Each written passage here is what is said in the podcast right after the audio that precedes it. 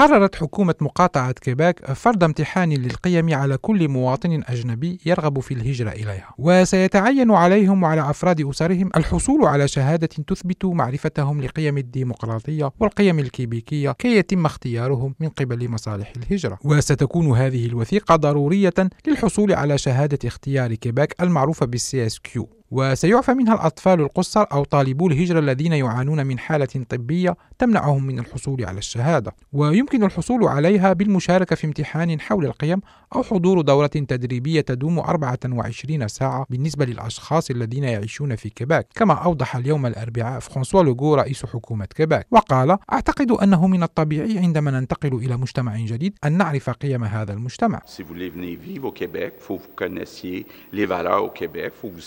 Qu'au Québec, les femmes sont égales aux hommes, que le principe de la laïcité est important, qu'il y a une séparation entre l'État et euh, la religion. من أراد أن يأتي للعيش في كيباك فهو بحاجة إلى معرفة قيمها يجب عليه أن يعلم أن المرأة في كيباك متساوية مع الرجل أو أن مبدأ العلمانية مهم وأن هناك فصلا بين الدين والدولة كما قال فرانسوا لوغو ويبدو أن هذا التقييم الذي سيدخل حيز التنفيذ في 1 يناير كانون الثاني 2020 مستوحى من امتحان الجنسية الكندية الذي يستشهد به بانتظام فرانسوا لوغو لتبرير استحداث هذا الاختبار. وكما هو الحال بالنسبة لعملية الحصول على الجنسية الكندية لابد من أن يحصل المرشح على 75% من الإجابات الصحيحة على الأقل وفي حالة الفشل تعطى له فرصة ثانية. وإذا لم ينجح مرة أخرى في هذا التقييم يمكنه المشاركة في دورة تدريبية أو استئناف التقييم مرة ثالثة. ووفقا لبيانات حصلت عليها هيئة الإذاعة الكندية وفقا لقانون الحصول على المعلومات أعد امتحان قيم كيباك اثنان من موظفي وزارة الهجرة. كما قدمت حكومة فرانسوا لوغو ميزانية تبلغ نحو من 100 ألف دولار. وفيما يتعلق بالأسئلة التي سيتم طرحها كشفت الحكومة عن بعض الأمثلة وهي مستوحاة من شرعة حقوق الإنسان والحريات. فعلى سبيل المثال جاء السؤال كالتالي في كيباك تتمتع النساء والرجال بنفس الحقوق. وهذه المساواة منصوص عليها في القانون. هل هذا صحيح أم خطأ؟ أو السؤال الآخر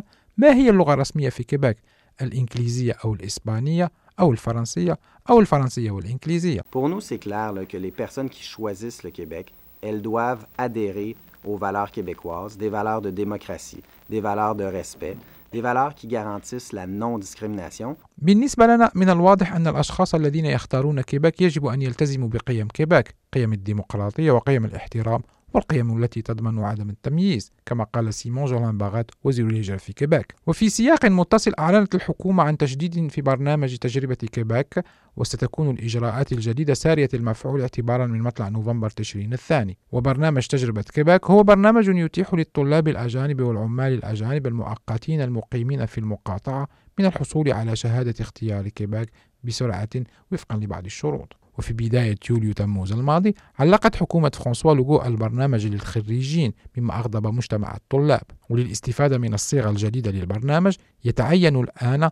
على الطلاب الأجانب حيازة شهادة تكون على قائمة لمجال التدريب المحدد سابقا من قبل وزارة الهجرة. وتشمل هذه القائمة من بين مهن أخرى المهن المتعلقة بالزراعة والطب البيطري والعلاج الطبيعي أو الهندسة المعمارية.